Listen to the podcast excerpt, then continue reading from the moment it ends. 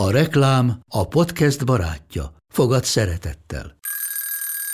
Indítsd jól a napod egy csészen eszkaféval. Élvezd minden reggel a gondosan pörkölt kávészemek telt ízvilágát, az Európában 100%-ban felelős forrásból származó kávéból készült Nescafé klasszikkal. Tudj meg többet fenntarthatósági törekvéseinkről a nescafé.hu oldalon. Nescafé. Új lehetőség minden csészében. Ez reklám volt, jó volt.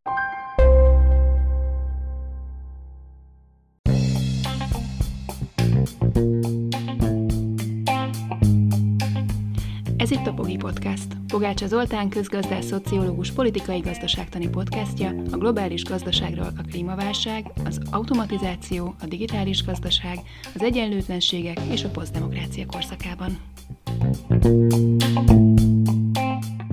Amikor az árfolyam alapján már-már azt gondoltuk, hogy a bitcoin sztorinak vége, hirtelen jött egy meglepetés, az amerikai tőzsdefelügyelet mégiscsak engedélyezte, hogy bitcoin alapú tőzsdei alapokkal kereskedhessenek az Egyesült Államokban, és gyökeresen megváltoztatja a sztorit. Akkora jelentőségű dolog ez a kriptok történetében majdnem, mint egy holdra szállás, tehát egészen komolyan legitimálódik, a mainstreambe kerülhet ezáltal a bitcoin. Ezt a történetet próbáljuk meg szétszálazni és értelmezni Csabai Csaba kripto szakértővel, aki a Variance kripto likviditáskezelő alapítója. Mi az, amit ez jelent? mi az, amiért elfogadták, mikor lehet ezekkel Magyarországon is kereskedni, stb. stb. Sok bonyolult kérdést tárgyalunk még. Föl szeretném hívni a figyelmét a hallgatóknak a Substackünkre. Minden egyes podcast epizódhoz egy Substack is csatlakozik, amelyet az epizódjegyzetekben mellékelünk minden egyes epizód mellett a Spotify-on, az Apple Podcast-en vagy bárhol, ahol ezt a podcast adást hallgatjátok. Szóval megmenti-e a tűzd a kriptovilágot? Ez következik most.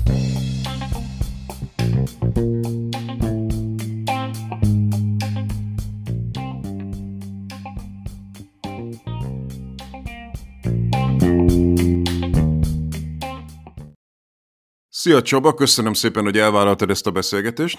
Én köszönöm szépen, szia. És akkor azt javasolnám, hogy mielőtt belemennénk a lényegi, mélyebb kérdésekbe, néhány ilyen definíciót próbáljunk meg az elején a hallgatók számára világosá tenni, mert nem mindenki követi ennyire a kriptovaluták világát, mint amennyire te követed, és egy csomó ilyen rövidítéssel operál ez a világ, úgyhogy ha ma az ETF-ekről fogunk beszélgetni, akkor először is szerintem biztos, hogy definiálnunk kell, hogy mi az, hogy ETF. Igen, ezek ugye a törzsdén kereskedhető alapok, amiket jellemzően az adott országnak az értékpapír felügyelete hagy jóvá, gondoz, felügyel, és gondoskodik arról, hogy mögé rakja azt a fajta befektetővédelmet és azt a fajta eszközvédelmet, ami ahhoz kell, hogy ezeket tényleg lehessen tisztességesen tőzsdéken kezelni.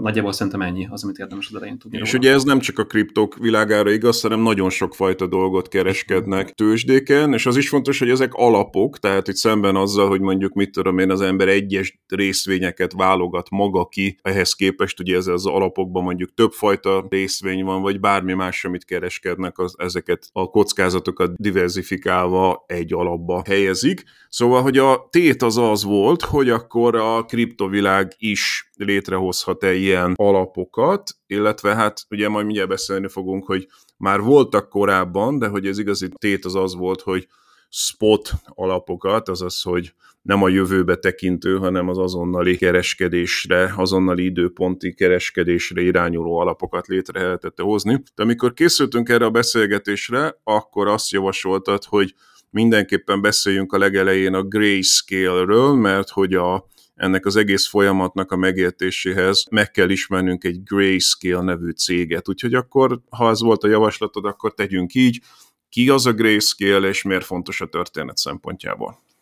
Igen, ez, ez ennek a cégnek a története elég erősen összekapcsolódik a, a bitcoinnak és később a kriptónak a, az ilyen intézményi hátteréhez.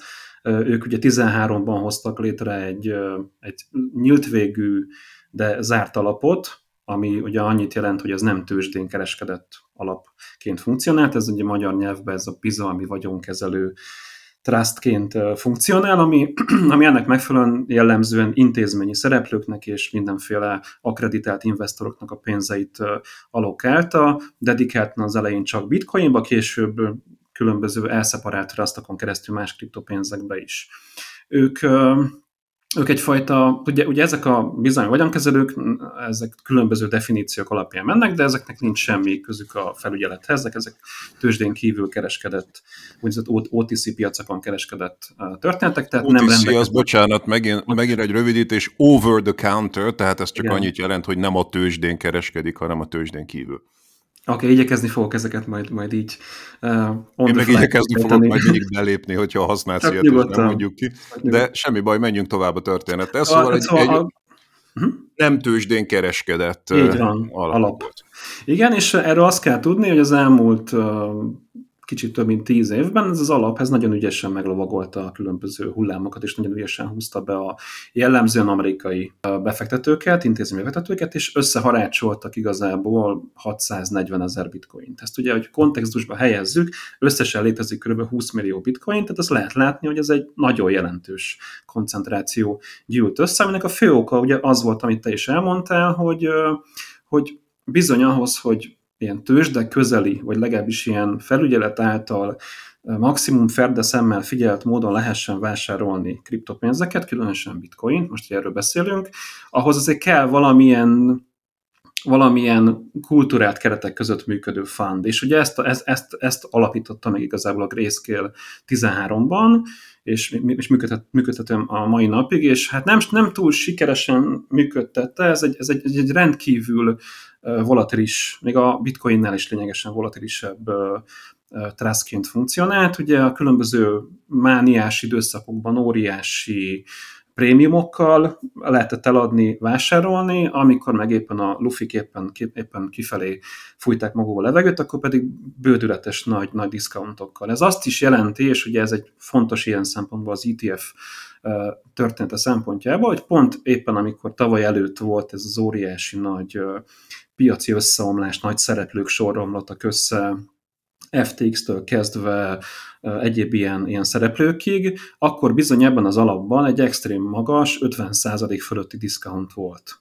Nem túl sokáig, de a de ekkora volt. Egy kicsit lelassítanálok, tehát hogy, á, hogy mindenki értse, tehát hogy bitcoint vagy tudsz venni direktben, tehát hogy saját magad direktben veszel bitcoint, de az ugye feltételez némi számítógépes tudást, sőt, én azt mondanám, hogy az átlag felhasználóhoz képest egy kifejezetten magas szintű tudást, vagy tudsz venni kriptotősdéken, tehát amiket te említettél, mint az FTX, meg ezek, ezek kriptotősdék, ahol tudsz vásárolni, és akkor ott ugye ott tartott, tehát ezek nem csak tőzsdék, hanem mondjuk a hétköznapi világban a bankoknak is a megfelelői, hiszen azoknak a úgynevezett pénztárcáiban tartod ott a pénzedet, és akkor ez egy harmadik lehetőség volt ehhez képest, tehát hogyha ilyen alapokat vásárolsz, akkor nem direktben vásárolsz bitcoint, és nem is egy kriptotőzsdén keresztül, hanem ez egy harmadik lehetőség volt ehhez képest, ha jól értem.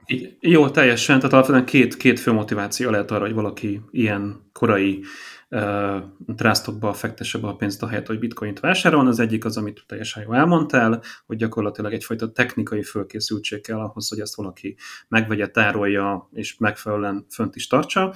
Ugye ez hozzatartozik az a tény, hogy uh, ahogyan, hogy, hogy miért is népszerű mondjuk például akár egy arany ETF, akár egy olaj ETF, vagy bármi egyéb, ugyanezért, tehát nem szeretnék a kácsó kertemben olaj, olajat tárolni azzal, hogy én megvásárolom azt spot piacon, ahogy az, az aranyrögöket sem szeretném elásni a kertbe, mennyi mennyivel kényelmesebb, hogyha ezt rábízom egy custody egy olyan szereplőre, aki ezt nekem tartja, ETF-ként mögötte, mögöttes értéket felhalmozza, és amikor azt én kérem, akkor azt ki tudom onnan váltani.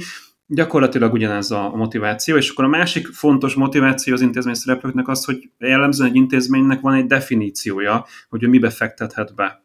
És hát nem túl valószínű, hogy túl sok nyugdíj alap, vagy, vagy akármilyen egyéb alapkezelő lett volna, vagy akár ilyen vagyonkezelő az USA-ba, akinek lett volna engedélyezve az, az, hogy ő spot bitcoint vásároljon. Tehát, hogyha intézményről beszélünk, ha itt az intézményeket emlegetjük e- ez, ebben a kontextusban, akkor itt igazából nagy befektetési alapokatról beszélünk, tehát ugye vagy olyanokat, amiket mondtál, hogy nyugdíj alapok, vagy ezek a magántőke, nagy magántőke alapok, amelyek hát a hagyományos pénzügyi világnak az alapjai, akik számára a direktben bitcoin vásárlása az túl kockázatos, és nem nagyon szokták szeretni, és akkor ehhez képest egy valamennyire vonzóbb alternatíva volt számukra, hogy akkor ezeket az ETF-eket vásárolják. Hát igazából lehetőség volt egyáltalán, hogy ezeket vásárolják, ugye pont a saját definíciók és egyéb kihívásaik alapján, és ez, és ez erre nagyon jól ráépített a, a Grayscale nevű cég, és nagyon jól fölpumpálta ilyen szempontból a saját méretét, olyan szinten, hogy kicsit túl is pumpálta magát, itt ugye egyrészt az alokált mennyiség is jelentős volt, másrészt mivel, hogy ez nyílt végű befektetési alapként funkcionált, itt, itt ugye nem létezett az a folyamat, hogy ez a kiváltás, a redemption, nem tudom pontosan mi ennek a magyar kifejezése, amikor egy, egy, egy ETF-ből vagy valamilyen alapból visszakérem a, a pénzemet, tehát nem volt lehetőség, tehát vagy benne ültél lényegben mai napig, vagy pedig OTC-n adtad el a korábban említett prémiumon, vagy éppen discounton, és akkor vagy nyertél, vagy, vagy vesztettél rajta, de hát nyilvánvalóan egy, egy OTC, egy tőzsdén kívüli piacnak a likviditássége az, az elenyésző. Tehát, hogy, hogy itt, itt, itt alapvetően itt arról beszélünk, hogy nagyon nagy intézmények, akár 5-10 évig be voltak ragadva ebbe az alapba, és nem annyira örültek ennek. Hagyj kegyek fel egy kérdést, már ezen a ponton lehet, hogy felmerül a hallgatókban is, hogy azt már akkor értjük, hogy egy hétköznapi felhasználónak, egy kisembernek miért könnyebb egy dősdei alapot vásárolnia, mint, mint direktben bitcoin. De miért kevésbé kockázatos egy nagy pénzügyi intézménynek egy ilyen alap, mint hogyha direktben vásárolna bitcoin? Igen, tehát hogy ez a kérdés alapvetően. Szerintem itt kb. ugyanaz a válasz, mint amit korábban mondtam, hogy egyrészt lehetséges, hogy per definition az ő intézményének nincs joga vásárolni. Tehát, hogy, hogy mondjuk például, ki, például Magyarországon mondjuk a, az MNB-hez kiadott egy olyan állásfoglalást x évvel ezelőtt, ami, ami, ami fölhívja a kockátokra a figyelmet, és ilyen szempontból ez, ez nem feltétlenül. Tehát ilyen típusú kockázatokkal rendelkező eszközöket egy intézmény nem vásárolhat meg. Ellenben, ez egy jogi, jogi szabályozás, vagy egy felügyeleti igen. szabályozás, de nyers közgazdasági értelemben kevésbé kockázatos egy ilyen alap, mint az a bitcoin, amire épül ez az alap? Hát, hogyha spot bitcoin, spot bitcoin ETF-ről beszélünk, akkor nem. Tehát nyilvánvalóan ugyanaz az a típusú árjegyzés van. Ugye ez fontos, hogy azt te is mondtad, hogy az ETF-ek azok jellemzően ilyen kosár elven működnek, tehát lehet benne valamilyen szintű mozgástere az alapkezelőnek, megteheti azt, hogy mondjuk például a frissen beáramló tőkét azt mondjuk napon túl kezdeményezze az átváltását, vagy különböző piaci mozgásokban vala, ilyen módon belavatkozik, de ezek nagyon minimális mozgásterek ilyen szempontból, és amennyiben egy, például a most bevezetett bitcoin ETF-ekről beszélünk, ebben nincs is arra lehetőség, hogy az alap, alapkezelő azt mondja, hogy ő most mondjuk x hónapig dollárban tartja az alapnak az 50%-át, ezek, ezek spot bitcoin ETF-ek, ezeknek a kockázata az technikailag olyan, mint, mint, mint magának a bitcoinnak az árfolyam kockázata, azon kívül viszont nagyon sok más kockázata sokkal miért mérsékeltebb, lásd, amiket te is mondtál, hogy nem egy tőzsdén, vagy nem a saját zsebemben tárolom az eszközt, hanem egy, hanem egy bizalmi szereplőnél nem kell fölkészülnem ennek a, a potenciális kockázataira, hogyha nekem kell tárolnom. Tehát ilyen szempontokból igen, árfolyam szempontjából nem releváns. Tehát akkor tulajdonképpen annyival lesz kevésbé kockázatos, hogy azok a típusú problémák kikerülhetők vele, amik itt az elmúlt években a kriptovilágát jellemezték, hogy például, mit tudom én, hackerek ellopnak bitcoinokat, vagy csődbe megy a bitcoin tőzsde, vagy maga a bitcoin tőzsde lopja el a pénzedet, mint mondjuk az FTX esetében volt, mm. vagy hogy a bitcoin tőzsde manipulálja az árfolyamot, ugye a Binance esetében fordult elő, tehát hogy akkor ezek az, az ökoszisztémának, az intézmény, az ökoszisztémának a csalásai kikerülhetők azáltal, hogy a, az alap az szabályozott, tehát hogy az a hagyományos világban a pénzügyi felügyelet által szabályozott riportálással és átláthatósággal dolgozik, és akkor ez csökkenti tulajdonképpen a kockázatát a, a, az alapnak, ha jól értem. Igen, ez fontos, hogy, hogy ez csökkenti, de nem szünteti meg, tehát nyilvánvalóan ez sem egy századékos biztonság, de egy sokkal nagyobb biztonság, mint amit saját erővel egy, egy befektetési alap bír garantálni. Akkor viszont itt egy kicsit ugye ide behoznám Satoshi Nakamoto-t, aki ugye a Bitcoin alapító atya úristene, csak soha senki nem találkozott vele. Aki ugye az egészet azért hozta létre, tehát nyilván szimbolikusan hozom őt be ide, és azt akarom megidézni, hogy hát a, az egész kriptomozgalomnak a, az alapító libertariánus elve, az tulajdonképpen az volt, hogy szabadulni kellene valahogy az állami intézményrendszerétől, tehát hogy egy olyan pénzrendszert kéne létrehozni, aminek nincs köze az államhoz, és egy ilyen teljesen piaci alapon az emberek szabad akaratából működik, itt meg ugye azért azt látjuk, hogy a, ezeket az alapokat mégiscsak a hétköznapi pénzügyi felügyelet szabályozza, tehát hogy itt azzal csökkentjük a kockázatát, hogy, hogy nem hagyjuk a piacot önszabályozni, mert az láthatólag az elmúlt években nem nagyon működött, hogy a piac önszabályozó, mert lépten nyomon becsapták az embereket, hanem akkor visszatérünk egy kicsit az államnak az esernyője alá, és akkor azt várjuk, hogy akkor a pénzügyi felügyeletek szabályozzák ezeket, a, ezeket az alapokat. Nem jól látom? Jól látod, ugye tegyük hozzá azért azt, hogy, hogy van, akinek erre van szüksége, van, aki pedig úgy dönt uh, saját hatáskörében, akár, akár piaci szereplők, hogy ők, hogy ők nem igénylik ezt a fajta gondoskodást. Uh, tehát, hogyha most pár, az elmúlt pár évet nézzük, akkor akár a, a Tesla jelentős mennyiségű saját bitcoin készlet halmozott fel magában a cégben, szintén más Elon Musk érdekeltségek, ott van a Michael Saylornak a saját érdekeltségei, amik, amik több, tehát több mint százezer bitcoint halmoztak fel saját keretek között, tehát hogy nyilvánvalóan itt a lehetőség megvan, és, és sok szempontból az egészségesebb ez a fajta, ez a fajta működés, de de igen, tehát az egyértelmű volt, hogy előbb-utóbb ez nem lesz me- megkerülhető. De akkor Szatosi mégiscsak csettintene, hogy ez nem teljesen ugyanaz, mint amire ő gondol.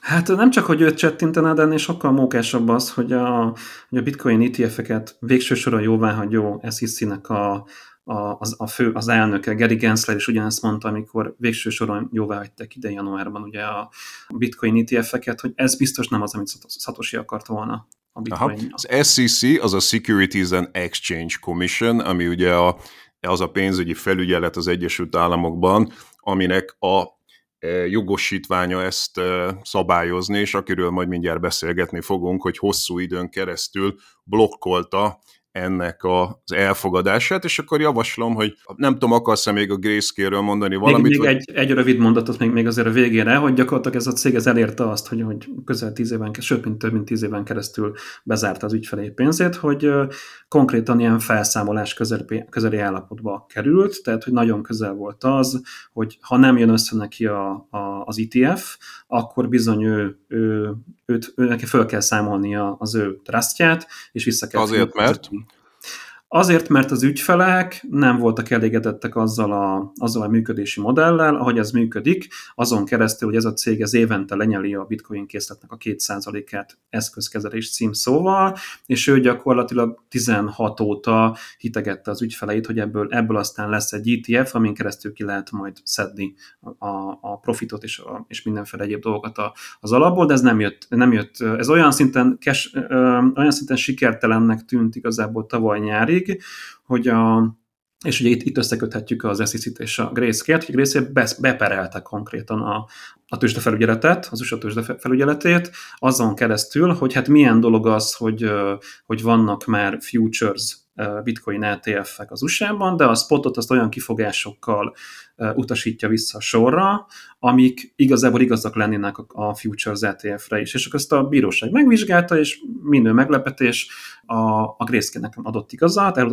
visszatosította az SEC-nek az indoklását, és kötelezte az SEC-t, hogy a következő felülvizsgálaton ezt, ezt mérlegelje, hogy olyan indokokkal lehet csak elutasítani a, a keresetet, amik, amik különbözőek egy spot és egy futures ETF-en. Na, itt is egy kicsit le kell lassítsuk, mert e, okay. közötti különbséget sem biztos, hogy mindenki érti. Tehát, hogy a spot az azt jelenti, hogy most ebben a pillanatban mennyi az árfolyam, egy futures pedig azt jelenti, hogy valamikor a jövőben mennyi lesz, tehát, hogy olyan alapok már voltak, amelyekben a jövőre vonatkozó kereskedést engedélyezte az SEC, csak azt nem engedélyezte, hogy az azonnali árfolyamot kereskedjék. Miért volt ez a különbség. Tehát azt miért engedélyezte, hogy futures lehessen kereskedni, és a spotot miért nem, hiszen én első halásra azt gondolnám, hogy ez a két dolog ez összefügg, és tipikusan bármely más eszköz esetében az úgy szokott lenni, hogy mivel a, a futures az ráépül a jelenlegi árfolyamra, ezért elég nehezen el is elválasztható tőle, hiszen hogyha nem tudok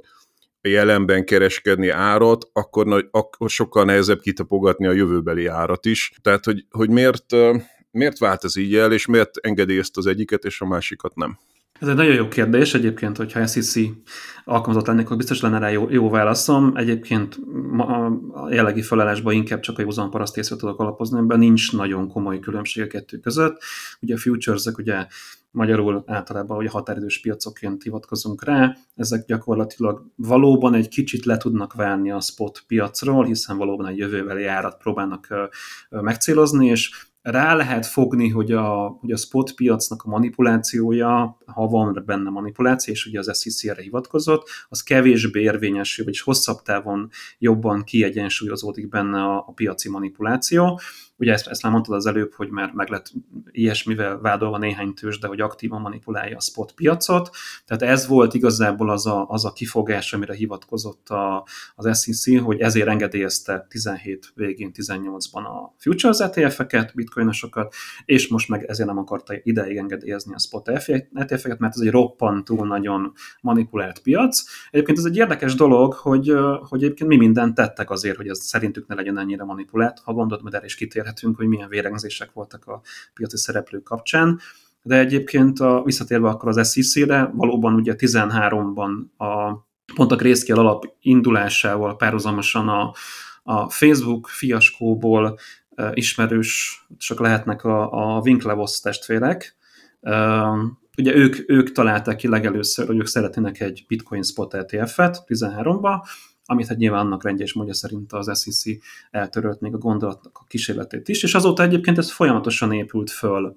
Tehát, hogy közel azt hiszem, hogy 30 Bitcoin Spot ETF kezdeményezés indult azóta, amiket folyamatosan kaszáltak el az SEC részéről, és egyre-egyre komolyabb szereplők döntöttek úgy, hogy szerintük megjött, megjött, eljött az idő, hogy, hogy ilyen termék legyen, és ugye ennek a vége az az lett, hogy a tavalyi évben beszállt ebbe a, ebbe a, a próbálkozásba, beszálltak a legnagyobb alap, a világ legnagyobb alapkezelői.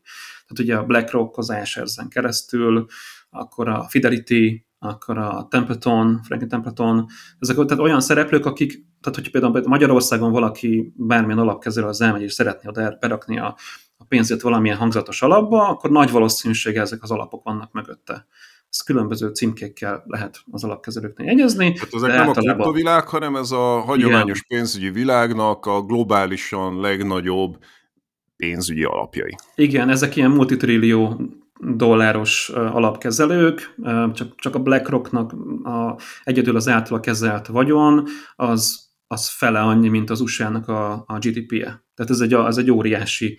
Már régóta tervezem amúgy, hogy ezekről a nagy alapkezelőkről, Vanguard, Fidelity, BlackRock, erről egy külön adást akarok csinálni, mert ezek eh, ahhoz képest, hogy gyakorlatilag a, mit tudom én, az amerikai gazdaság nagy részét birtokolják, ezek, ehhez képest Magyarországon szinte semennyi szó nem esik róluk, úgyhogy nagyon jó, hogy itt is előkerültek, hogy, hogy ebbe a kriptovilágba is be akarnak szállni ezek a nagy alapkezelők. Hát be is szálltak, de ezzel megint előre rohannék, hogy hogy is szálltak be. Nem tudom, még ennek kapcsán van-e, van-e benned maradt kérdés. Ö, jó, Igazán tehát akkor, akkor azt mondod, hogy egy jó tíz éven keresztül folyamatosan elkaszálja az SEC, a, a tőzsdefelügyelet ezeket a próbálkozásokat. Miért csak most jutott eszébe valakinek, hogy akkor a futures-re való hivatkozással egy bíróságon próbálja megérvényesíteni azt, hogy akkor ha a futures-t engedélyeztétek, akkor nincs lényegi különbség a futures és a spot között. Mert ha jól értem, ezt csinálta a mhm. Grayscale. Miért tellett ennyi idő? Miért jutott ez valakinek hamarabb eszébe, hogy akkor erre való hivatkozással lehetne a, a tőzsdefelügyeletet betámadni? Ugye ezek az indokok, amiket most, a, ami miatt eddig vissza lett tartva a Bitcoin Spot ETF, ezek ezek igazából ilyen 17-18-tól jelentek már meg. Addig az időpontig ugye az volt az SEC-nek a, az álláspontja, hogy ez egy nagyon éretlen piac, tehát hogy ez nem, nem érett meg arra, hogy, hogy tőzsdén kereskedhető alapokba lehessen belerakni, és 18-tól pedig gyakorlatilag egy nagyon szovasztikus időszak volt a kriptóban, javarészt a földön voltunk kívül, amikor a plafonon, és, és ez folyamatosan módosította ilyen szempontból a szereplőknek a, a a hozzáállását. Ugye itt volt azért egy olyan para is, hogy, hogy most az egész világ egy, egy, egy tartós recesszióba fog bele, beletorkolni. Jött egy Covid, ami szintén elég erősen helyre rakta itt a, a vágyakat a különböző szereplők részéről. Tehát ez, egy, ez egész sokáig ilyen szempontból így ilyen ez, ez elfér. A másik pedig a másik fontos indok, és ezt többen ki is mondták, hogy nagyon abban a tévhitben voltak sokáig az alapkezelők, akik be akarták jegyezni, hogy ez valóban egy progressz. Tehát itt nem arról van szó, hogy az SEC az nem akarja, hanem az SEC az majd akarja egyszer, hogy olyan lesz, mint amit szeretnénk. Progressz alatt azt érted, hogy ez egy ilyen lassú folyamat, aminek a kialakulására várni kell. Igen, föl kell lépíteni azokat a kereteket, hogy, az, hogy ez a felügyelet számára is elfogadható legyen, csak ezt realizálták igazából tavaly, tavaly előtt, hogy ez sajnos nem igazán progressz, ez egy, ez egy totális katasztrófa ilyen szempontból, ebből, ebből soha nem lesz semmi. És, akkor, és ugye nagyon fontos az, hogy a legtöbb alapkezelő úgy volt azzal, hogy hát ha ez még tíz év, akkor tíz év, de a grayscale nem volt ennyi ideje. A grayscale igazából egy éven belül ő, ő földbe állt volna. Ez fontos megjegyezni, hogy az anyacége folyamatosan végezte ki a, a koronaékszereket, adta el a különböző alcégeit, amit, am, am, amit nem, azt, azt csődbe ment. Tehát itt, itt egy nagyon fontos pénzügyi konglomerátumról beszélünk, akinek a Grayscale csak egyik al. Ezt írtad is, amikor készültünk erre a beszélgetésre, hogy a Grayscale Genesis DCG történetet azt, azt hozzuk bele. Akkor igen, hozzuk igen. bele, kik ezek, mik ezek, miért, miért okay. fontos ez? DCG, ugye ez a Digital Currency Group nevű dolog, az egyik fő kriptopiaci főgonosz alapította, akit a szakma és az által is említett ilyen nagyon szatosihoz húzódó hozzáállású emberek ilyen szempontból nem egy, nem egy megfelelően pozitív figuraként értékelnek, ők, ők, ők nagyon sokszor próbálkoztak a saját érdekkörükkel egyfajta ilyen hatalomátvételre a bitcoin kontrollja fölött. Ez egy na- nagyon érdekes az, hogy a bitcoin az, az mitől decentralizált, és miért, miért annyira jó, mint ahogyan sokan hiszik, hogy jó, de ebben most nem akarok belemenni. Ki a fő gonosz? Ezt nem teljesen értettem. Barry Silbert nevű úriember, uh-huh. aki az alapítója ennek a DCG konglomerátumnak, ő többször követett el olyan dolgokat, amiket nem kifejezetten értéket pozitívumként a közösség, és és gyakorlatilag ő létrehozott egy óriási nagy likviditás management csoportot, amin belül volt ugye ez a Genesis nevű már említett szereplő, aki, aki igazából intézmény szereplőknek a kölcsönzésével foglalkozott. Ez fontos, hogy itt csak kriptóról beszélünk, ez nem talán nem egyértelmű, de az egész DCG-nek az összes lány az csak kriptóval foglalkozik. Volt neki kriptó, hír, outletjük, nem tudom mi ez magyarul pontosan, mindenféle olyan, szerep, olyan témákat lefettek, ami, amiben nagyon komoly pénz volt az elmúlt x évben a, a kriptó kapcsán, és lehetett ebből a növekedésből nagyon sokat nyerni, és ennek egy fontos korona darabja volt, ugye ez a, vagy van mai napig ez a grayscale.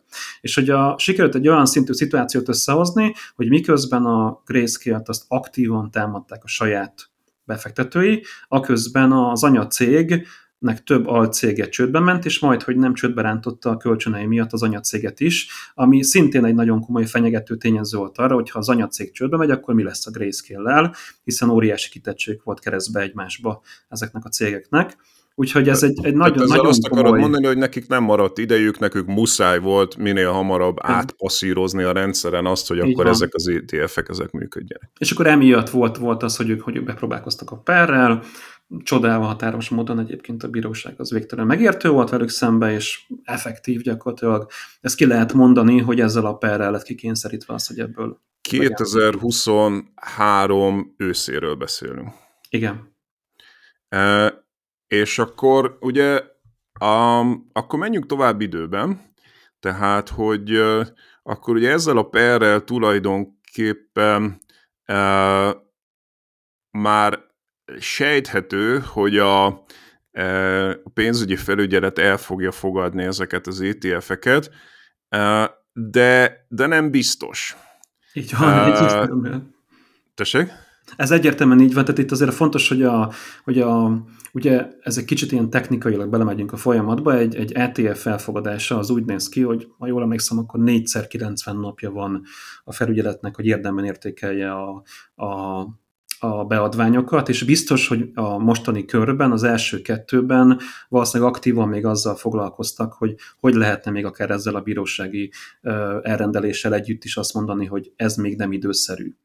Uh-huh. És a legutolsó harmadban döntöttek úgy, hogy akkor érdemben ott már lehetett tudni azt, hogy hívják be a szereplőket folyamatosan interjúra, mindenféle ilyen, ilyen S1 és mindenféle egyéb ilyen rész, részelemek készültek el, amik látszottak, hogy, hogy ezek valóban, tehát valóban érdemben történt előrelépés, és a szereplőkkel nagyon aktív tárgyalás volt. Már a Reuters-től ez a Bloomberg mindenki hozta, hogy 90% plusz esélye van annak, hogy el lesz fogadva. Itt most a tavaly késő őszi, tél, korat, koratéli időszakról beszélgetünk, akkor, akkor már eléggé mindenki ezt a zsebébe érezte ezt a, ezt a es, es, esetleges sikerességet, és ugye ez be is árazódott a bitcoinba. Hogyha ezt akartam tavalyi... kérdezni legközelebb, hogy ugye ugye volt egy nagyon mély repülése a bitcoinnak, és utána ez elkezdett egy kicsit visszajönni ebből, akkor ezt ki lehet mondani, hogy elég jelentős részben az hajtotta ezt az újra felemelkedését a bitcoin árfolyamának, hogy egyre valószínűbbé gondolták a befektetők, a spekulánsok, hogy ebből lesz valami. Igen, ezt, ezt semmilyen más fundamentális indokot nem tudok mondani, ami ezt indokolta volna. Tehát, hogyha az bármilyen ilyen, ilyen pattern, vagy bármilyen időrendíreg nézzük a csártot, akkor nem volt igazából nagyon, nagyon indokolta az, hogy egy hogy akkora brutális kivérzés után, ami történt 2022 év végén, azután tavaly évben ilyen csodálatosan helyreálljon a, a, az árfolyam, és, és úgy lovagoljunk bele az idei évbe, ahogyan bele lovagolt az árfolyam. És akkor ugye ugyanakkor viszont, amikor volt a tényleges bejelentés, és ez 2024. január, akkor, akkor viszont volt ott egy ilyen buta bénázása az X-en, nem tudom, meddig fogjuk még mindig, amikor az X-et emlegetjük, akkor még mindig hozzátenni, hogy ez az egykori Twitter, de úgy tűnik, hogy annyira rossz név ez az X, hogy ezt még éveken keresztül el fogjuk mondani, hogy az egykor Twitternek nevezett X-en, mert hogy kijött valami egy nappal korábban valami, valami félhír, amit aztán a Genslerik cáfoltak, és én akkor hallgattam egy csomó beszélgetést, amikor megint csak előkerült, hogy lehet, hogy akkor mégse fogják elfogadni ezeket, tehát hogy nekem még egy nappal előtte is úgy tűnt, hogy, hogy, hogy, hogy egyáltalán nem biztos, hogy ezek pozitívan fognak dönteni. Sejteni lehetett, hogy maga Gensler például ugye a testület vezetője eléggé ellene van ennek a sztorinak. Bár tegyük hozzá egyébként, hogy, a, hogy az ötfős uh, commissioner tím, aki végül is döntött a, a szavazásról, az ugye 3-2 arányban fog, fogadta el végül is, és a háromban benne volt a Gensler is. Tehát, hogy igen, ez teljesen igaz, tehát, hogy őnek egy nagyon fura értékrendje van, azonban a legvégén ő volt az, aki a mérlegnyelve lett ilyen szempontból. És igen, amit mondasz, az, az egy nagyon mókás dolog, ugye hallgattuk több mint tíz éven keresztül a, a, az SEC-től, hogy ez egy roppantú manipulált piac, és nagyon, nagyon ilyen, ilyen, ilyen érzelmi driven alapon működik az egész történet. Majd ezek után a, a, a, az, az ETF felfogadás előtt gondoskodott arról az SEC, hogy, hogy a végére még egy jó nagy volatilitás belerakjon. Ugye annyi történt, hogy egy nappal a, a két héttel ezelőtt szerda előtt, tehát kedden kijött egy tweet, tweet valóban a, az X-en, amit az SEC adott ki, Gensler meg, megformálva ilyen szempontból, hogy el vannak fogadva a, az ETF-ek, majd azután pár percen belül eltűnt az X-ről, és kijött az, hogy hát valamilyen féle account eh, compromise történt az X-en, és hát szó sincs erről, nincs ez elfogadva semmilyen szinten. Az fontos megjegyezni, hogy azon héten már mindenki tudta, hogy azon a héten szerdán lesz döntés. Az, mi, azt nyilván nem, nem feltétlenül tudhattuk biztosra, de hogy az, hogy szerdán lesz, ezért ez a keddi dolog, ez nagyon megcsavarta a piacot, ott, szer, ott, ott olyan szintű volatilitás volt, amit a kriptóban nagyon-nagyon régen nem láttunk, legalábbis a bitcoinban nem láttunk nagyon-nagyon régen, tehát végülis a végére sikerült az SEC-nek még az elfogadás előtt egy jó nagy manipulációt csinálni a piacon. Tehát az, hogy egy nappal az elfogadás előtt ezzel a twitteres kavarással óriási volatilitás volt, az megint azt mutatja nekem, hogy akkor mégsem lehettek annyira biztosak abban, hogy akkor itt tényleg elfogadás lesz. Akkor volt egy csomó mindenki, akinek felmerült, hogy akkor lehet, hogy mégse fogják elfogadni. Igen, de gondolj bele, hogy itt alapvetően az, hogy 17 ezerről fölment az árfolyam 46, 47, 48 ezerre, ezt, ezt megállapíthatjuk, hogy ez egyértelműen az, az, az ETF pozitív kifutásának volt köszönhető. Tehát valószínűleg nagyon sokan nagyon-nagyon komoly tőkátétel ezt megjátszották a, az év folyamán, és, és akkor, amikor ez bármilyen szempontból jobbra-balra lefelé ingadozott ez a, ez a döntésnek a kimenetele, akkor azért néhányaknak biztosan megremegett a keze, és, és úgy döntöttek, hogy jó, most már, már eleget kerestünk, ezt már nem toljuk tovább Tehát igen, én azt gondolom, hogy ez, hogy ez egyértelműen egyfajta ha. ilyen piaci speciális. Aha. Jó, és akkor ugye megvan a döntés, és az, hogy aztán hogyan alakul az árfolyam, arról külön akarok beszélni, mert ugye majd ki fog derülni, hogy nem kilő az árfolyam, hanem bezuhan az árfolyam, de ez legyen a vége, mert először, először beszéljük meg azt, hogy mekkora lépés ez a kriptovilágnak, mert az, hogy itt most hogyan kellene reagálni az árfolyamnak, és hogyan nem, ez szerintem nagyon függ attól, hogy hogyan ítéljük meg ennek a döntésnek a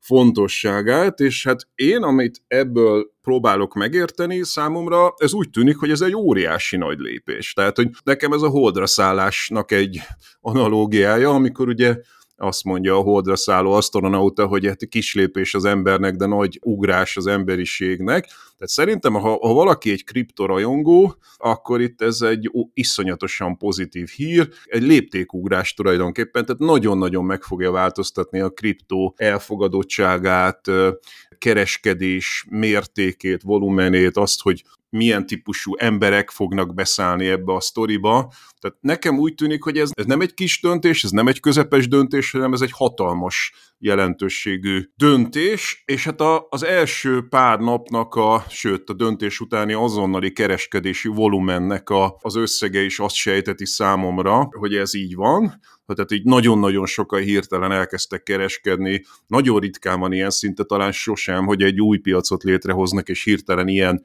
mennyiségű volumen tódul be ide, amire persze te azt írtad, amikor felkészültünk erre az adásra, hogy nem eszik ilyen forrón a kását, mögött azért bonyolult történetek vannak, nevezetesen pont az előbb említett Grayscale és hasonló sztorik, de hogy akkor szállazzuk ezt szét, hogy mekkora ugrás ez, miért szálltak be ilyen gyorsan, ilyen sokan, mennyire a Grayscale történet ez, mennyire a nagy intézményi befektetők története, és mit vársz hogy akkor ez tényleg kinyitja a kriptovilágát a szélesebb közönség felé.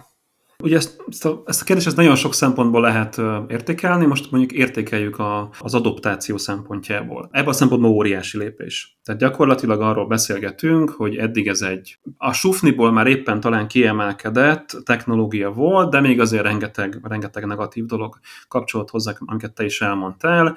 Innentől kezdve ez egy, ez egy, ez egy engedélyezett, ez egy tőzsdén kereskedett, tehát tényleg megkapja azokat a, azokat a tulajdonságokat, amik ahhoz kell, hogy azt mondhassuk, hogy ez komoly. Ez önmagában egy nagyon érdekes dolog, hogy persze tud, tud bárki most már most már Robinhoodok ezzel mindenféle eszközökön vásárolni bitcoin ETF-et, ahol amúgy is tud vásárolni egyébként bitcoin. A Robinhood az egy kereskedés, egy, egy kereskedési platform, egy elektromos kereskedési platform, amit így mobilokra le lehet tölteni.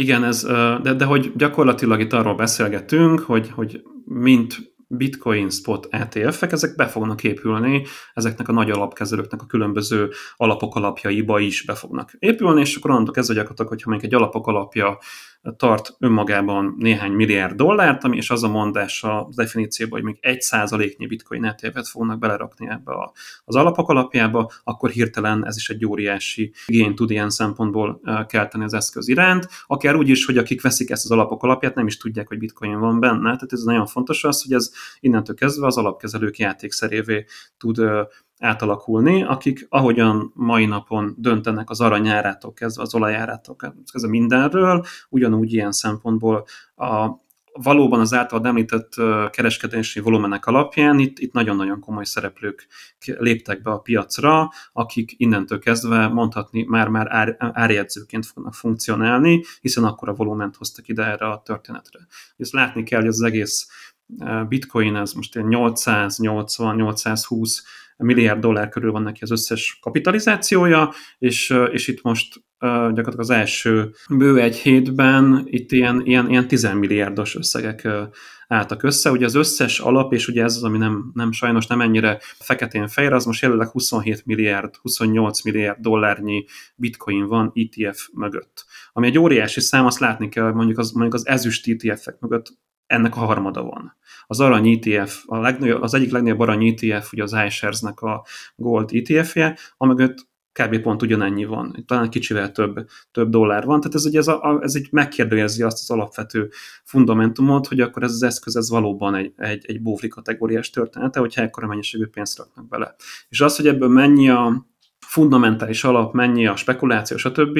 Pláne egy ilyen korai időszakban, amikor, amikor tényleg tizen sok év várakozás után ez a termék ilyen szempontból a, azokra az intézményekre, akik, akik kimaradtak az, el, az elmúlt tizen évből a saját működésük miatt. Ebből még azért nem, nem vonnék le hosszú távon trendvonalakat, de, de nagyon izgalmas az, hogy, hogy, hogy ilyen szempontból egy olyan réteg jelent meg ezen a piacon, aki eddig nem nagyon volt itt, vagy legalábbis sokkal limitáltabban tudott csak itt lenni, és, és, a, és jelenleg a franc tudja, hogy, hogy pontosan milyen módon fogják hosszabb távon befolyásolni, de most jelenleg... De azért inkább azt valószínűsítjük, tehát, hogy ez itt megnyitja a, a, a kripto iránt nem nagyon érdeklődő, vagy egyáltalán nem érdeklődő emberek számára ezt, akár indirekt módon, akár úgy is, hogy nem is tudnak róla, vagy tudnak róla, de hogy és, és szóval, hogy abban egyetértünk talán, hogy ez, egy, hogy ez nagyon nagy valószínűséggel azt jelenti, hogy igen jelentős pénzek fognak bekerülni a, a, a kriptovilágba. Azt gondolom, hogy igen, ebben maximálisan egyetértünk. Uh-huh. És akkor ugye itt van még a, ebben a, tehát ugye a, a döntés utáni a, a azonnali ugrása a volumennek, ebben itt van benne még ez a grayscale történet is. Így van. Ezt elmondod, hogy hogyan? Szóval ugye ezt körbebeszéltük, hogy a grayscale nem, nem egy kifejezetten sikeres kifutású történet volt, ráadásul sikerült nekik olyan jól definiálni a, az ETF-jüket, talán nem véletlenül, hogy az éves kezelési költségük továbbra is másfél százalékon van, ugye kettőről na, nagykegyesen lehúzták másfél százalékra, míg ezzel szemben a többi alapkezelőnek a, a kezelési költség az 0,2, 0,3, 0,5 közül van, ráadásul ilyen fél éves, egy éves véverek vannak rajta. Tehát, hogy nagyon, tehát minden létező szempontból a Grayscale fanya az, az nem jó a befektetőknek, arról nem beszélve, hogy itt persze olyan, olyan kivérzett befektetőkről van szó, akik akik éveken keresztül remektek, hogy valahogy hozzájutnak a pénzükhöz. Úgyhogy pont ez, pont ez is történik, ilyen napi szinten körülbelül egy olyan 10 ezer bitcoin áramlik ki az alapból, ugye 620 ezerrel e, nyitott tizedikén az ETF, ugye annyit konvertáltak, és most arra ilyen 550 ezer bitcoin van még benne, tehát óriási kiáramlás van belőle, ez gőzerővel nyilván meg is jelenik a spot piacon, hiszen ezt el is kell adni ilyen szempontból, szippantja fel a többi szereplő, tehát a BlackRock stb. szippantja fel, de, de nem ekkora mennyiséget uh, szippantanak fel, ráadásul nyilván azt tudjuk, hogy egy tőzsdei terméknek az eladási iránya az nem szimmetrikus a vételi iránya, tehát teljesen mások a motivációk a különböző szereplőknek, úgyhogy sugalmaztad ezt, de igen, valóban az árfolyam az egy nagyon érdekes dolog, hogy itt nem az... Mindjárt tört... eljutunk az árfolyamig, de akkor ugye rögzítsük, hogy akkor három dolog van. Egyrészt eladják a grayscale-t, uh-huh. és vesznek belőle az új spot ETF termékekből. Másrészt a nagy pénzügyi befektetők is megjelennek, és ők is vásárolnak. Harmadik pedig, hogy van egy igen jelentős várakozás azzal kapcsolatban, hogy ez megnyitja további szereplők számára. Tehát, hogy ez egy, e, e, akármelyiket nézem a három közül, ez egy vételi nyomása a piacon. Ugye ez fontos, a legelső, amit mondta, az arról szól, hogy eladják ezt és vesznek mást, azért ezt így, ez, ez nem jelent meg a piacon számokban. Tehát sokkal valószínűbb az, hogy a Grayscale-ből úgy szállnak ki az ügyfelek, hogy nem szállnak be most azonnal a, a, a többi ETF-be, hanem gyakorlatilag dollárban kilépnek a dologba. Ugye ez a, az volumenekből is látszik, hogy nincs akkora mennyiségű inflow, tehát beáramlás, mint amekkora kiáramlás van a Grayscale-ből. Akkor ez Most lefelé ugye... nyomja a bitcoin árfolyamát?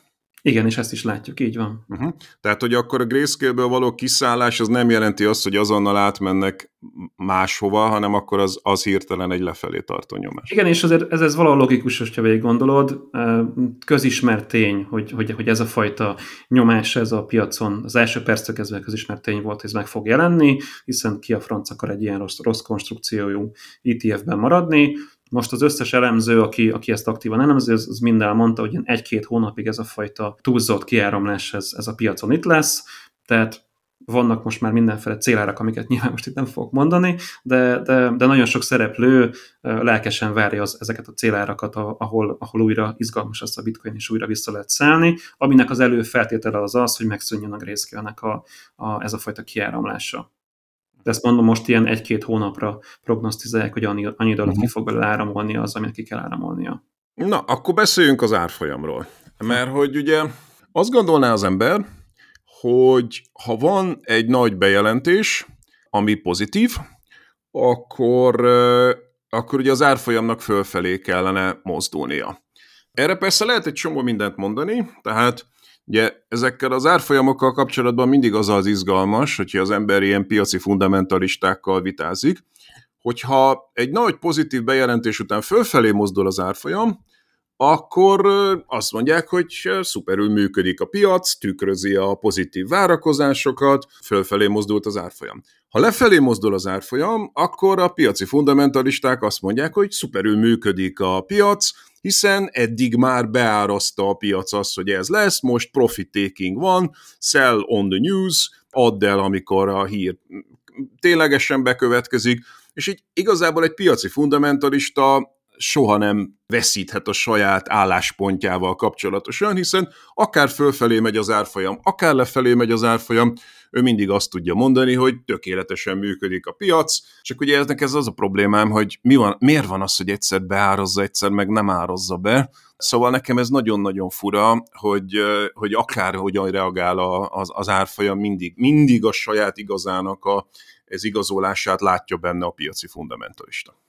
Szerintem ez ez kb. mindenkire igaz, nem csak a piaci fundamentalistákra, tehát nagyon ritkán látok olyat, hogy valaki, valaki ezzel ellentétesen értékeli a piacnak a különböző mozgásait. Azért azt választjuk szét, hogy milyen bejelentések lehetnek. Vannak ezek a prom bejelentések, amikre nem, nem számítunk, nem tudjuk a, az esélyét neki prognosztizálni, ez a vagy megtörténik, vagy nem. Ezek jellemzően negatív piaci hírek szoktak lenni, amikre sok esetben a piac negatívan is reagál. Viszont olyankor, amikor egy piaci hír kiszámítható, tehát pontosan tudjuk, hogy meg fog, meg fog történni, pontosan tudjuk, hogy körülbelül mikor fog megtörténni, meg vannak rá utaló jelek, azt azért az, a, szereplők szeretik megjátszani. Ugye ez, amit mondtál, ez a buy the rumor, sell the news típusú esemény, tehát azért rá kell nézni erre a, a bitcoin chartra, és azért az nagyon-nagyon látszik, hogy a tavalyi évben hogyan alakultak ezek a különböző. Tehát nagyon jól rá lehet húzni petönként a, az árfolyamra azt, hogy hol voltak releváns ETF-fel kapcsolatos bejelentések, akár hol, hol lépett be a BlackRock, ott egy hatalmasat ugrott a, a, a csárt már, már tavaly nyáron, hol, hol volt az első körös visszautasítás, ott egy visszazuhanás volt. Tehát ez, ez, ez a piac, ez önmagában a tavalyi évben csak erről az egy fundamentumról szólt, hogy lesz ETF, nem lesz ETF, és beárazódott az ilyen szempontból, és amikor elértünk a bejelentés, hogy, hogy ez, hogy lett, lett ETF, addigra meg triviális volt az, hogy itt egy óriási eladói nyomás lesz a grayscale miatt, tehát akinek volt ott gógyia, nem kellett ez semmilyen fundamentálisnak lennie, az pontosan tudta, hogy oké, okay, elértük a plafont, még ott egy picit felszállt a legelején, azt hiszem 49 ezer dollárra a bitcoinnak az árfolyama, és onnan gyakorlatilag szépen lassan csorkunk lefelé. Egyébként most tartunk, nem néztem most meg még a, az adás előtt, de ilyen 42 ezer, 41 ezer dolláros árfolyam körül, talán alatta. Ugye ez honnan nézzük ezt az óriási zuhanást, hogyha ezt onnan nézzük, hogy 49 ezer is fölkacsintott az árfolyam, ez egy óriási zuhanás két hét alatt. Honnan nézzük, hogy tavaly ilyenkor volt az árfolyam, meg óriási emelkedésnek a visszatesztelése. Tehát ezt, ezt, ezt valóban... Oké, okay. Csaba, rendben, elfogadom, amit mondasz, de akkor vegyünk egy analógiát a való világból, tehát a nem kriptovilágból. Közelmúlt eseménye, szerintem teljesen analóg a történet, megkapjuk-e az uniós pénzeket? Magyarország megkapja az uniós pénzeket. Ez egy évek óta zajló történet, ahogy az ETF-ek története is, eléggé kiszivárognak a hírek, nagyjából pont tavaly őszóta lehetett tudni, hogy Magyarország nagy valószínűséggel megkapja ezeket a pénzeket. Nagyjából ugyanolyan valószínűséggel, tehát szintén ez a sokkal valószínűbb, mint nem. Rengeteg ezzel kapcsolatos híradás jelent meg a magyar sajtóban, tehát aki arra készült, hogy előbb-utóbb az Európai Bizottság ki fogja mondani, hogy legalábbis egy részét, jelentős részét megkapjuk az Európai Uniós pénzeknek, az mondjuk ugyanezt csinálhatta volna, vásárolja plegykákra, adja el a hírekre. Aztán tavaly év végén megtörténik a bejelentés, hogy igen, Magyarország megkapja az Európai Uniós pénzek jelentős részét. Azt várnád, hogy akkor itt mondjuk a magyar forintnak az árfolyamának valamerre mozdulnia kellene. Hogyha analógiát keresünk a, az ETF bejelentéssel, és itt ugye, hát most nem emlékszem pontosan, de majdnem 10%-os zuhanás volt a bitcoin uh-huh. árában gyakorlatilag azonnal, akkor hogyha ezt mondjuk a magyar forint árfolyamára vetítjük, akkor egy ilyen 30, 380-as euró forint árfolyam mellett itt mondjuk egy 38 forintos zuhanásnak kellett volna lennie az euró-forint árfolyamában. Tehát az, a, az, hogy egy bejelentés után akkora profit taking van, annyian próbálják akkor mondjuk zárni a spekulatív pozícióikat, mint a bitcoin esetében, ennek az analógiája mondjuk az Európai Uniós pénzek megkapása esetén az euró-forint árfolyamában azt jelentette volna, hogy 38 forinttal kellett volna mozdulnia, és ehhez képest mondjuk gyakorlatilag alig mozdult. Ez egy beárazás. Tehát, hogy ez, ez egy beárazás, azon, amit mondasz, lehetett sejteni, nem egy derültékből villámcsapás, egyik sem a két példa között, de itt el tudom mondani, hogy itt nagyjából beáraszta a piac az elmúlt hónapokban, nem is nagyon mozdult az árfolyam. Itt meg mozdult. Mi a különbség? Hát egyrészt ehhez sokkal jobban képbe kéne lennem a, a, a forintnak a, a különböző fundamentális dolgaival. Nyilván maximum csak felhasználója vagyok, tehát azért nehezen tudnék ebben túlságosan okos lenni, de, azért tudok mondani nagyon fontos különbséget a kettő között. Alapvetően egy termék minél érettebb, és azért a és a fiat pénzeket tekintsük annak, tök mindegy melyik országnak a pénzéről beszélünk, annál inkább ki van téve a, az intézményi szereplőknek a kontrolljának. Ez, ez, ez eldönthető ilyen szempontból. Viszont a bitcoin kapcsán igazából idén januárig elég tényszerű információ volt, hogy itt azért a óriási ereje van a, a retailnek, ugye a kis, kis szereplőknek, a magánszemélyeknek. Ugye ezt például onnan tudtuk visszamérni ilyen szempontból, hogy amikor volt a, ez a pénzosztás a Covid-ot követően, amikor a lakosság kapott fizetés arányosan különböző stimuluszokat, akkor, akkor óriási ugrások voltak a bitcoinban mindig a kifizetéseket követően, tehát látszott, hogy nem tudja varakni a jó ember a pénzét, és ezek akkorák voltak, amik, amik láthatók voltak a Spekulálni csávon. fognak azzal, Spekulálni amit fognak, akkor. így van, így van, így van, és, és gyakorlatilag ez kimondható, hogy nem volt akkora óriási kontrollja még akkor az intézménynek a, az árfolyamra, hogy, hogy, hogy, hogy egy, egy végtelenül befolyásolt és végtelenül információ és ilyen hír és, és mindenféle érzelmek által befolyásolt retail ne bírta volna rángatni a, a, a, a bitcoint.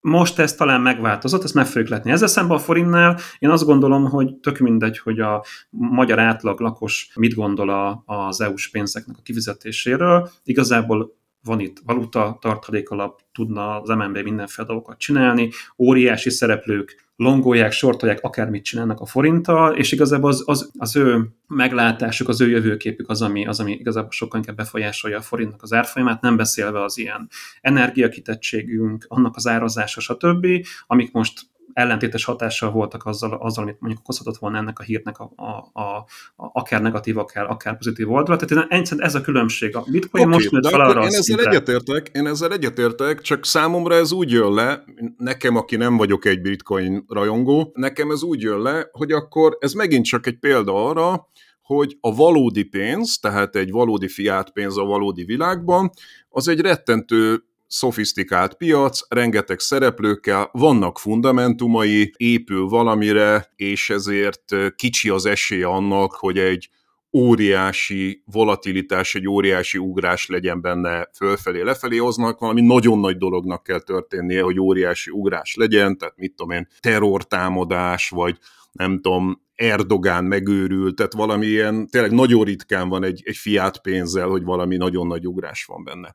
Ezzel szemben ugye a bitcoin, meg a kriptók, amelyek nem pénzek, hanem spekulatív eszközök, itt viszont sokkal nagyobb az esélye, hogy pontosan azért, mert ez egy spekulatív eszköz, kiszámíthatatlan mozgások vannak benne, és valójában ez a történet is azt mutatja, hogy a bitcoin az nem egy pénz, hanem egy spekulatív eszköz, amelynél hát itt akkor emberek a plegykára alapozva pozíciókat vettek fel, zárták, ott van közben ugye a, a, a már tárgyalt grayscale történet, tehát hogy itt valamilyen elképesztő, tehát ezek nem gazdasági fundamentumok, ezek nem reál gazdasági fundamentumok, hanem ezek ilyen spekulatív bokrok, itt is egy bokor, ott is egy bokor, mindenfajta dolgok történnek, emberek spekulálnak, de hogy ez, ez, ez valójában kiszámíthatatlan volatilitást tud, és egy olyan, olyan szintű volatilitást, ami, ami nagyon kevés más eszközosztálynál tapasztalható. Vitáznál ezzel? Ö, nagyon szívesen, bár valószínűleg ugyanott jutnánk a végén, hogy, hogy nem tudjuk egymást meggyőzni. Én azt gondolom, hogy, hogy pont az elmúlt három-négy év bebizonyította azt, hogy a tradíciós piacoknak a tradíciós kifejezés az minden csak egy értelmetlen kifejezés. Tehát gyakorlatilag lehet azt mondani, tehát akkor, amikor mínusz 50 dolláros olajárakat látunk, mert éppen túltermelték magukat, akkor, amikor a forint felugrik 380-ról 440-re, mert éppen van egy, egy óriás energiakrízis, akkor amikor hetente indít, indít, indul most már a közel-keleten valamilyen háború, túl, túloztam, tudom, akkor azért azt mondani, hogy, hogy a volatilitás az itt, ez itt valami szempontból extrémebb, vagy a kiszámíthatóság extrémebb, tehát az látni kell, hogy a, az, ami a bitcoinnál történt az elmúlt egy évben, az egy totálisan prognosztizálható, kezelhető, tervezhető történet volt, amit nagyon sokan terveztek is ilyen szempontból, és szerencsére ezt most még jelenleg inkább a retail tudta tervezni, mint sem a, a nagy, nagy alapkezelők, hát sajnos ez változni fog valószínűleg a jövőben ilyen szempontból. Az utolsó nagy kör volt, amikor a retailnek volt óriási hatalma még, a, még az árfolyam fölött, és ezt így, ezt így fogadjuk el egy ilyen, ilyen tényezőnek. Én, én, én abszolút igazat adok, tehát itt nem vitázok abban, amit mondtál, ezekben mind igazad van. Csak azt mondom, hogy amikor a valódi világban ez történik, amiket említettél, jó példák ezek, az egyrészt azért lassabban történik, tehát nem, nap, nem egy napon belül van egy 8-10 százalékos ugrás, és nem egy napon belül lesz mondjuk negatív az olajára, vagy megy fel az energiára, hanem azért ez hónapok, Másrészt ezek anomáliák, tehát hogy ezek arra szolgálnak, hogy ezek felhívják a figyelmet, miért lesz negatív az olajára, mert kiderül, hogy olyan készletek vannak, amiket nem tudnak eladni. Miért, miért emelkedik az egekbe? Azért, mert Oroszország bevonul Ukrajnába. Tehát, hogy ezek olyan, olyan anomáliák a piacon, amelyek felhívják a figyelmet arra, hogy gyerekek, itt valami nagyon-nagyon rossz dolog történik, valamit csinálni kell, mert az nem oké, hogy eladatlan készletek vannak, az nem oké, hogy, hogy Oroszország bemegy Ukrajnába, tehát hogy ezek anomáliák, és hát ugye a közel-keleti konfliktus meg hát kifejezetten arra volt például, hogy nem nagyon mozgott aztán olyan nagyon nagyot. Tehát hiába támadta meg a Hamas az izraelieket, egy kicsit emelkedett, de utána nagyon hamar visszakorrigált, és van egyébként egy amerikai, egy szerb származású amerikai elemző, akinek most nem jut eszembe a neve, aki elkezdte megnézni ezeket a nagy geopolitikai eseményeket, és majd, a, majd az epizódjegyzetekbe odarakom, hogy ki ez, a, ez, ember, és azt mondta, hogy ő megnézte ezeket a nagy geopolitikai változásokat, és kifejezetten azt találta, hogy nem voltak akkora nagy. Tehát mindig ilyenkor van egy ilyen hype körülötte, hogy úristen, most aztán egészen, egészen meg fog változni ez az ár és az az ár, de hogy az járt jól, aki, aki arra számított, hogy itt, tehát, hogy aki arra spekulál, hogy itt, hogy itt nagy változásokon lehet keresni, az tipikusan nem jár jól, és hogyha igen, akkor azért fundamentumok vannak mögötte, tehát tudjuk, hogy mi miért történik, pontosan tudjuk, hogy oké, okay, itt most történt egy anomália, Oroszország bevonult Ukrajnába. Azért ez más, mint egy olyan világ, a kriptovilág, ahol viszont átláthatatlanság van. Tehát az, hogy most, én tudom, hogy te erre azt fogod mondani, hogy azért ezek láthatók, ez a folyamatok, tehát mit tudom én, számítani lehet rá, hogy a Grayscale-ből kivonulnak, meg számítani lehet arra, hogy a tőzsdefelügyelet döntésére spekulálni fognak, de azért ezeket én mégsem nevezném fundamentumoknak abban az értelemben, ahogy a valódi világban azok. Mit szólsz ez? De azt gondolom, hogy, hogy kb. egyre kevesebb fundamentum van a valódi világban, tehát sokkal inkább a spekuláció veszi át a, a mindennapjainknak a, a dolgát. Tehát nagyon jó példa az, amit a forint kapcsán mondtál itt az elfogadás, ez, ez a kifizetések kapcsán. Tehát ebben, nem, ebben Isten ments, hogy olyan dologról beszéljek, amihez nem értek ennél jobban, de hogy én, ezt, én azt gondolom, hogy különösen az elmúlt tíz évben valahogy a, tehát most te komolyan ez csak egy ilyen kis kitekintés, de például az, ami a magyar növekedési hitelprogramból a növekedésre ment el, meg, a, meg az üzletfejlesztésre, az szerintem arányában nem teljesen ugyanaz a szint, mint, a, mint ami mehetett volna ilyen szempontból, és ennek persze vannak mindenféle eredményei, meg mindenféle okai, tehát vala, de ugyanez látszik az USA-ban is, tehát a, a, a mértéktelen pénznyomtatásnak mi lett az eredménye, az, hogy a nagy cégek elkezdtek saját részvényeket vásárolni. Az aztán egy óriási fundamentum, tehát hogy ahelyett, hogy arra költötték volna, amire kellett volna költeniük. Tehát én valahogy azt látom, hogy ez a fajta fundamentális keressük a fundamentumot dolog, az, az egyre inkább ilyen, ilyen sokszor bohózatba megy el. Igazat kell adjak neked, tehát sajnos, ha megnézzük azt, hogy a Navracsics tárgyalásairól Brüsszelből mit tudott a hétköznapi magyar ember megérteni, akkor azt kell mondjam, hogy totálisan igazad van, sajnos szinte semmi, tehát hogy ez tényleg egy ilyen átláthatatlan dzsungel volt, és igazából a másik példádat is adom. Oké, okay, lépjünk ezen túl. Arról kellene még beszélgessünk, hogy mi ennek a következménye a többi kriptóra nézve, mert ugye mi, amiről eddig beszélgettünk, az a bitcoin, de hogy várható-e, hogy akkor mondjuk a többi kriptotermék esetében is lesznek ilyen alapok? Ugye az SEC-nek az állásfoglalása szerint nincs az az Isten, ezt is finoman átfogalmazva, de hát ugye ezt mondták a bitcoinra is, tehát ezen az alapon vizsgálva a kérdést simán lehetséges. Azért egy fontos különbség egyébként a jelenlegi egyéb kriptókhoz, akár Ethereum, Solana vagy bármelyik egyébhez képest, hogy lassan tíz éve az ki van mondva az SEC és a az amerikai árutősdei felügyelet részéről, a CFTC részéről, hogy a bitcoin az egy commodity. Ugye ez magyarul az, azt, azt jelenti, hogy ez egy, ez egy olyan, mint az arany, ez, ez egy, ez áru. egy áru. Igen. Ez egy áru termék, nem ami nagyon furán hangzik pénzügyi nem termék. pénz, nem egy pénzügyi termék. Emiatt neki így a, a megítélése is nagyon sokszor pozitívabb, mint bármelyik másik kriptoterméknek, hiszen a, az amerikai tőzsdefelügyelet szerint minden más az gyakorlatilag értékpapírnak, értékpapír kibocsátásnak minősül.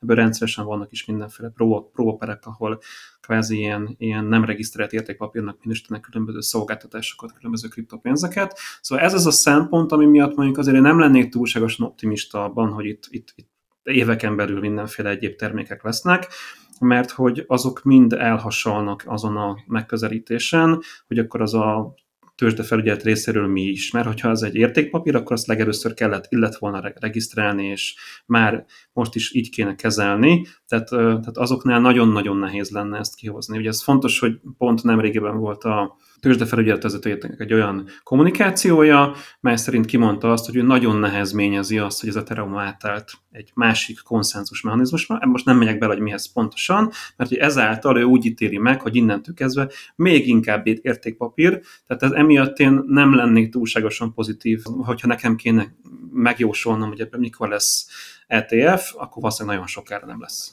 Uh-huh. Oké, okay, köszi. A másik dolog, amiről beszélnünk kell, hogy amiről itt most eddig tárgyaltunk, az az USA.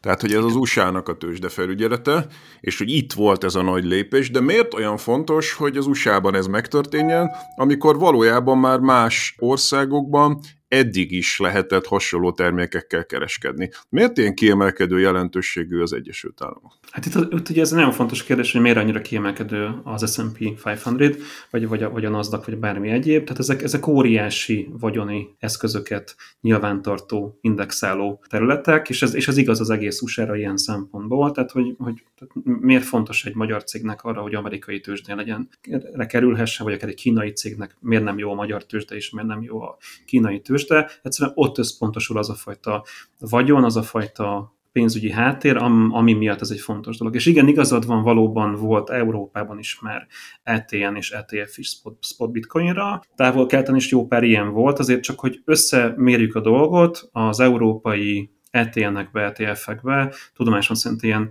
ilyen pár millió dollárnyi bitcoin van mögött. Tehát ezek, ezek, ezek elenyészőek, tehát, a, tehát az, az első másodpercében több volt a, a, az amerikai spot bitcoin ETF-ekben, mint amik ezek, ezeket évek alatt gyűjtöttek. Nekem ez azt mutatja, hogy a kriptovilág az sokkal amerikacentrikusabb, mint a többi, hiszen hogyha a hagyományos árutősdéket nézzük, vagy a hagyományos részvénypiacokat, azért mondjuk egy frankfurti, londoni tőzsde, egy tokiói tőzsde, egy Szingapúr, de akár, hogy mondjam, egy Bombay vagy hasonló, ezek nem elhanyagolható tőzsdék, tehát hogy nyilván az amerikai ott is a legnagyobb, de azért ezek közel vannak hozzá. Hát amennyiben az általad felsorolt tőzsdéken lenne Bitcoin spot ETF, akkor ebben igazad lenne, de itt nem megbánt őket, de itt ilyen bohóc tőzsdéken, bohóc országoknak az ETF-jei vannak jelen pillanatban, tehát most egy konkrét dolgot mondjak, óriási bejelentés volt tavaly, hogy az első európai Bitcoin spot ETF-et jóvá hagytak, és Igazából már persze azelőtt másfél vagy két évvel, tehát ez egy ilyen fura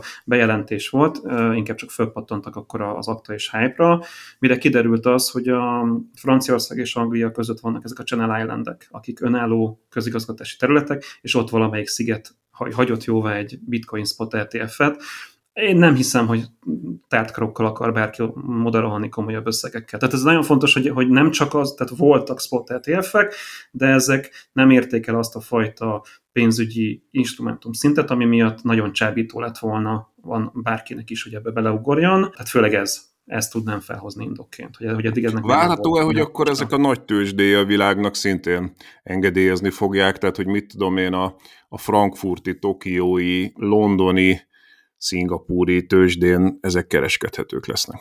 Hát amennyiben én fel tudnék sorolni egyetlen egy európai, vagy akár távol-keleti olyan alapkezelőt, aki nem a BlackRock és nem a, nem tudom, a korábban ismert szereplők, akkor azt mondanám, hogy ez egy komoly esélye vannak, hogy itt, hogy akkor akár a DAX-on, akár bárhol máshol lesznek ilyen ETF-ek, de mivel nem nagyon tudok ilyenekről, mert hogy annyira ez a piac centralizált, nem nagyon látom azt, hogy mi értelme lenne annak, hogy egy, egy Templeton vagy egy, vagy egy, vagy egy Fidelity egy európai tőzsdén is csináljon egy bitcoin ETF-et, ha már van neki az amerikai tőzsdén, méghozzá a legnagyobb amerikai tőzsdéken kereskedhető ETF-je. Tehát ez, ez ettől függ. Tehát, hogyha ha a befektetői piac nem lenne annyira centralizált, és nem, nem, nem, nem öt cégen múlna az egész, akkor biztosan sok ilyen lenne. Ennek ellenére azt gondolom, hogy vannak feltörekvő szereplők Európában is, távol keleten is, akik előbb-utóbb ezt felérnek arra a szintre, hogy egy saját konstrukciót kidolgozzanak de, de ezt sem gondolom, hogy ez a közeljövőnek a, a lehetséges eredménye lenne. Uh-huh. Oké, okay. és akkor az utolsó kérdés, ami teljesen nyilvánvaló, hogyha itt valaki hallgatja ezt a beszélgetést, fölkapja a fejét, és azt mondja, hogy oké, okay, én eddig nem szívesen vettem bitcoint, mert az túl bonyolult volt, meg meg kellett jegyezni hozzá mindenfajta kódokat, meg nem tudom, nem bízok a kriptotősdékben, mert azok csalók, de most ez úgy hangzik nekem, hogy most már ez egy felügyelet által szabályozott valami, akkor most, akkor most inkább szeretnék valamilyen alapot vásárolni. Magyarországon mikor lesz képes az ember ezt megtenni?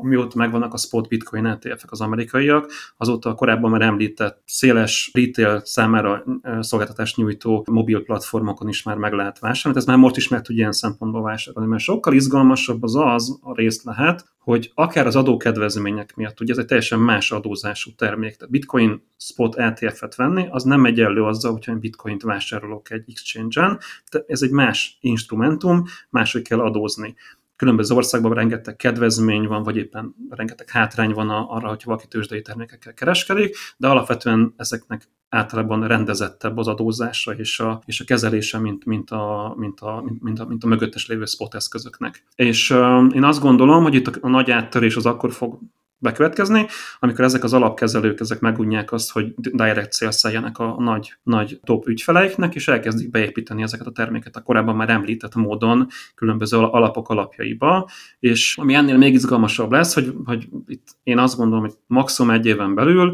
biztos, hogy lesznek olyan alapok is ezeknél a nagy alapkezelőknél, amik dedikált a nevükben hordozzák a kriptópiacot. Ugye ne felejtsék, hogy a kriptópiac az nem, nem egy szem bitcoinból áll az intézményi szinten sem. Itt ugye nagyon sok olyan tőzsdén jegyzett bitcoin és kriptobányász cég van, akik, akiket rendesen a részvényeket most is meg lehet vásárolni az amerikai tőzsdéken. Ezekkel tök jó lehet egy bitcoin ETF-et egy balanszolni valamilyen irányba ezeknek a részvényeivel, illetve ugye vannak olyan, olyan cégek, akiknek óriási, tehát tőzsdén jegyzettek, és óriási az ő bitcoin kitettségük, amik szintén izgalmas csomagolási lehetőséget fognak hozni. Ugye ezt tudjuk, hogy a ilyen derivatív eszközökön keresztül imádnak a, a nagy nagy kereskedőházak, alapok ilyen mindenféle iparági, piaci alapokat létrehozni. Tehát én nem csodálkoznék azon, hogyha mondjuk akár egy-két éven belül a magyar nagybanki alapkezelőknek a portfóliában is megjelennének olyan alapok, amik nevükben is hordozzák a kriptót vagy akár a bitcoint, ami nagyon nagyon-nagyon távolinak tűnik a mai napon, amikor tudjuk, hogy, hogy hogyan kezelik ezek a szereplők a bitcoint, de hát ugye ezt ezt ki lehet mondva, hogy ez nem olyan bitcoin, ez egy másik fajta bitcoin, uh-huh. ez egy másik fajta instrumentum, ezt biztos, hogy szeretni fogja az iparág. Jó, hát én azt hiszem, hogy akkor kitárgyaltuk, amit ki kellett tárgyalni. Én nagyon hálás vagyok neked, hogy ilyen részletesen és ilyen pontosan, és próbáltunk amennyire lehetett a köznyelvhez közel kerülni, hogy olyanok is tudják értelmezni, akik számára ez a világ egy kicsit idegen. Azért külön hálás vagyok, hogy mondtál olyan dolgokat, amivel megváltoztattad az én fafejű véleményemet. Nekem nagyon tetszett, amikor azt mondtad, hogy a valódi világ is kezd a kiszámíthatatlan spekuláció irányába menni. Én ebben teljesen igazat adok neked, és ez egy újabb aspektus szerintem, ami, ami a kriptók mögötti nyomást szerintem erősíti, hogy ha nincs akkor a kontraszt a kriptovilág spekulatív jellegzetessége és a valódi világ között, mert a valódi világ is átláthatatlanná és spekulátívvá válik, akkor valószínűleg ez egy felhajtó erő még a kriptó számára, de azt hiszem, hogy a, a lényegi kicsengése a beszélgetésünknek az az, hogy ami itt most történt, ez egy óriási ugrás és egy jövőbeli nagy felhajtó erő a kriptovilág számára. Csavai Csaba, nagyon szépen köszönöm a beszélgetést. Én köszönöm a lehetőséget.